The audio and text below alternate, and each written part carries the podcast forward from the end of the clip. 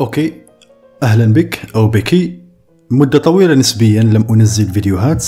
كما تعلمون لدي دراسة جامعية انشغالات مختلفة في القراءات وما إلى ذلك. الكثير يسألني عن تخصصي الجامعي. تخصصي هو علم النفس العيادي. اسمي هو وليد واللقب المتخذ مني آيفن. شهرين بالتحديد غياب.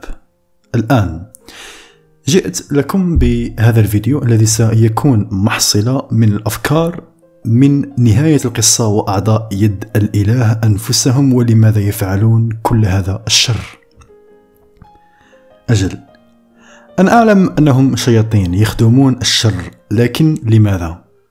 لماذا يريدون جعل الناس يعانون؟ هل يستمتعون بذلك؟ أم فقط لأن المصير يتطلب ذلك؟ قالت فلورا إنهم كانوا جميعا بشرا. في مرحلة ما من حياتهم تعرضوا للأذى الشديد والضرب التلف الشديد لدرجة أنهم لم يعودوا قادرين على التمسك بأخلاقهم أو عاطفتهم أو إنسانيتهم بعد الآن. لقد أصيبوا بخيبة أمل كبيرة من الجنس البشري لدرجة أنهم تخلوا عنها وفقدوا كل أثر للشفقة إلى الأبد. أين خرجوا من حيث وقفوا مهزومين أقوى ومن جديد متحررين من قيود هذا العالم ولكن الشر كل ما تبقى هو جانبهم الحيواني وغرائزهم وغرورهم التي ينغمسون فيها تماما.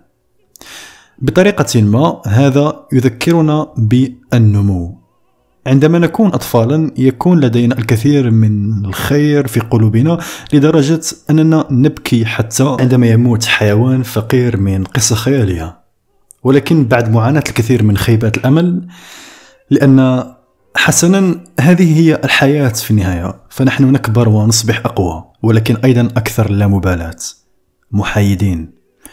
واقعية نسميها. نحن نفهم أنه من أجل تحقيق النجاح في الحياة علينا أن نضع أنفسنا في المقام الأول وأن نتنافس ونكافح ونهزم الآخرين وأن نطأ الجثث. ليس بالمعنى الحرفي بالطبع ولكن بشكل مجازي. الآن قبل أن تدعوني بالعدمي في هذا النهج دعنا نعود إلى الموضوع هنا. ماذا يريدون أعضاء يد الإله حقا؟ لماذا يستمتعون بالتسبب في المعاناة؟ لنأخذ أمثلة أخرى للشياطين في الدين أو الأساطير. لماذا يعارض الشيطان الله أو الإله؟ لن نكون مثله لأننا اخترنا أن نهتم بالشخص المجاور. نختار أن نفعل الخير عندما نستطيع. لكن إذا تحدثنا إليه فسيبرر نفسه بالقول إن الإنسانية تستحق أن تعرف. من الجدير معرفة شعور الكراهية. وكيف يشعر كل شعور تركه الإله؟ وكيف يكون مذاق كل تفاحة ممنوعة قصة الحرب في الفردوس مستمدة من تمرد الشيطان وعدم الرغبة في تلقي الأوامر بعد الآن. قد يسمي البعض هذا بالنير أو المنير الساطع ومع ذلك فإن التأثير على الناس من أجل الاغتصاب والقتل والاعتداء الجنسي على الأطفال أو غير ذلك من الفظائع فقط باسم التنوير والشعور بكل ما يمكن الشعور به هو الشر الخالص بالفعل ماذا عن يدنا الإلهية؟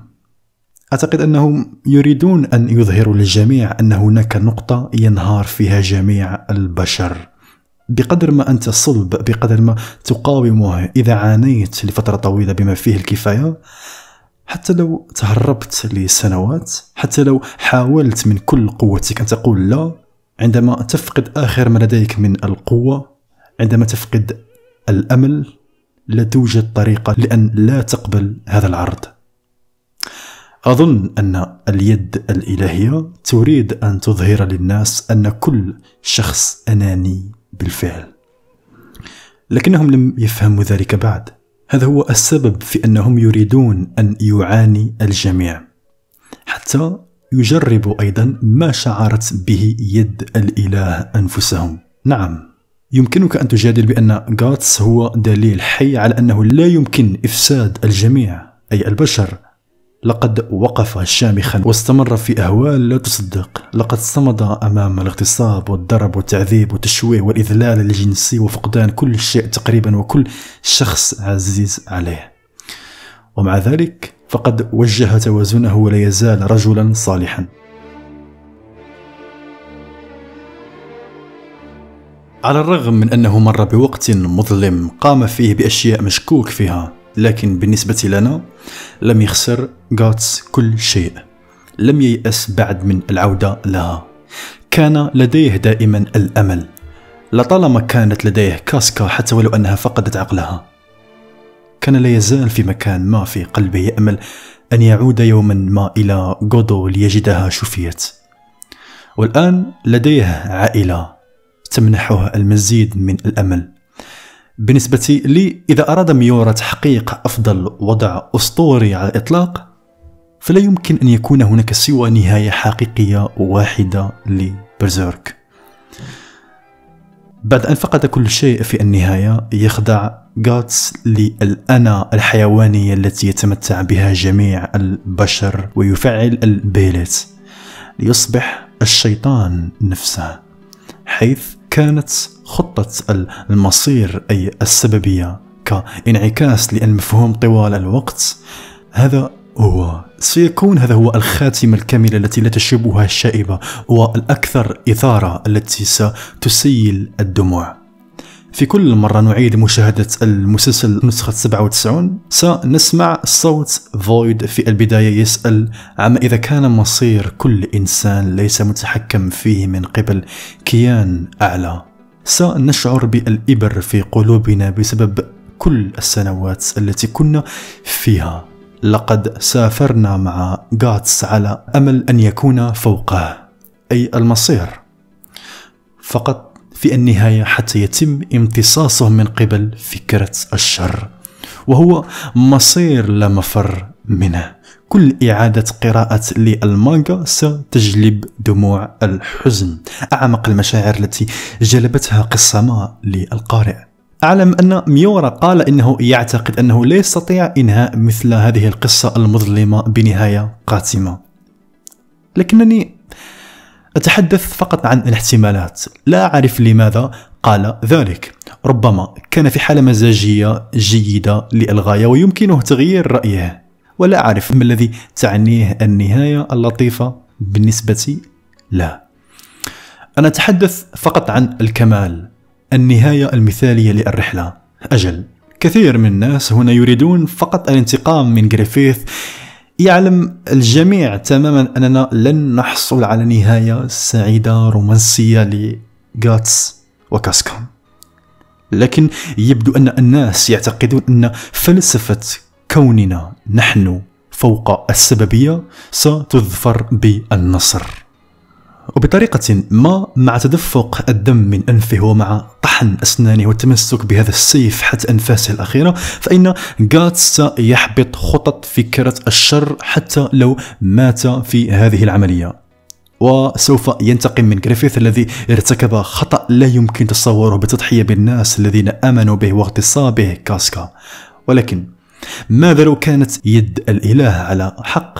ماذا وماذا لو كان هناك مثل هذا المستوى من اليأس الذي يحتاج الجميع إلى تجربته حتى يفتحوا أعينهم ويرون حقا؟ ثم يصبحون أحرارا.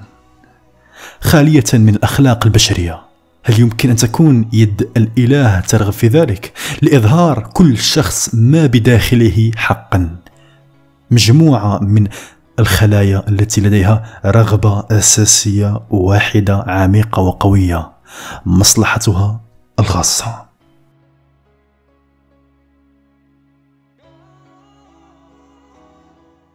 أريد فقط أن أسألكم هذا. فقط ضعوا أنفسكم في منظورهم. أعني أعضاء اليد الإلهية أنا لا أقول أنهم على حق ولا أقول أنهم مخطئون لكن الشعور بما شعروا به وتجربة كل ذلك هل يمكنهم تصديق أنهم على حق؟ هل يمكن أن يكونوا في الواقع أعلى من البشر العاديين كما نحن فوق عقل الأطفال وبراءتهم؟ لن يصدق الأطفال في الغالب الذين تقل أعمارهم عن ثمانية أعوام عندما نقول لهم إن الخير والشر مفاهيم ابتكرها الناس وليس هناك ما هو خير أو شر حقا. هم يؤمنون حقا بأن الخير خير والشر شر وقد يعطوننا في الواقع أمثلة ذهنية بسيطة عن سنهم مثل أكل الحساء أمر جيد قول الأكاذيب هو شيء شرير. نحن كشخص بالغ نعلم أن الأمر ليس بهذه البساطة. في عالم برزيرك هل يمكن أن تكون حتمية المصير هي الشيء الذي يجب أن يختبره الجميع حتى يصبحوا مستنيرين؟ ملاحظة؟ كن مطمئن. نعلم بأن الأطفال غالبيتهم يكونون لطفاء مع الآخرين وأن يفعلوا الخير في الحياة وليس ذلك بالذي ينبغي مماثلته مع البالغ. لكن في النهاية قد نقلق بشأن الذرية أو النسل الذين يعيشون في مجتمع يحصل فيه الناس على الخير وبالتالي يستفيدون منه.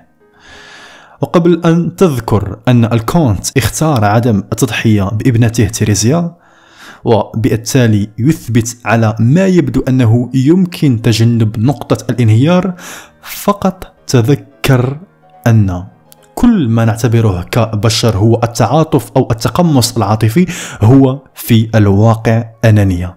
حب للذات فقط. لقد أنقذ ابنته ليس بسبب الحب ولكن لأنها كانت ابنته. إذا لم يكن هذا أنانيا فأنا لا أعرف ما هو. في الواقع الأنانية أو الحب للذات فقط ليست هي الكلمة التي أبحث عنها. إنه أمر طبيعي. لدينا آه، وعي. هذا الوعي يريدنا أن نشعر بأننا بخير حتى لو ضحينا بأنفسنا من أجل الآخرين. فإننا نفعل ذلك لأنه يجعلنا نشعر بالرضا. إذا كان عمل الخير يجعلنا نشعر بالرضا فهذا أناني وطبيعي.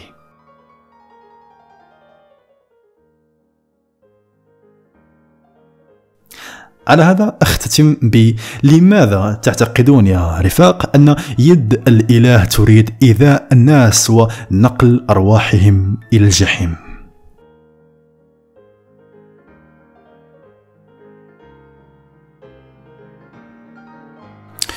شكرا لكم على المشاهدة. تابعوا حساباتي على تويتر فيسبوك. هناك انشر منشورات تمثلني وكتابات مني. تحياتي.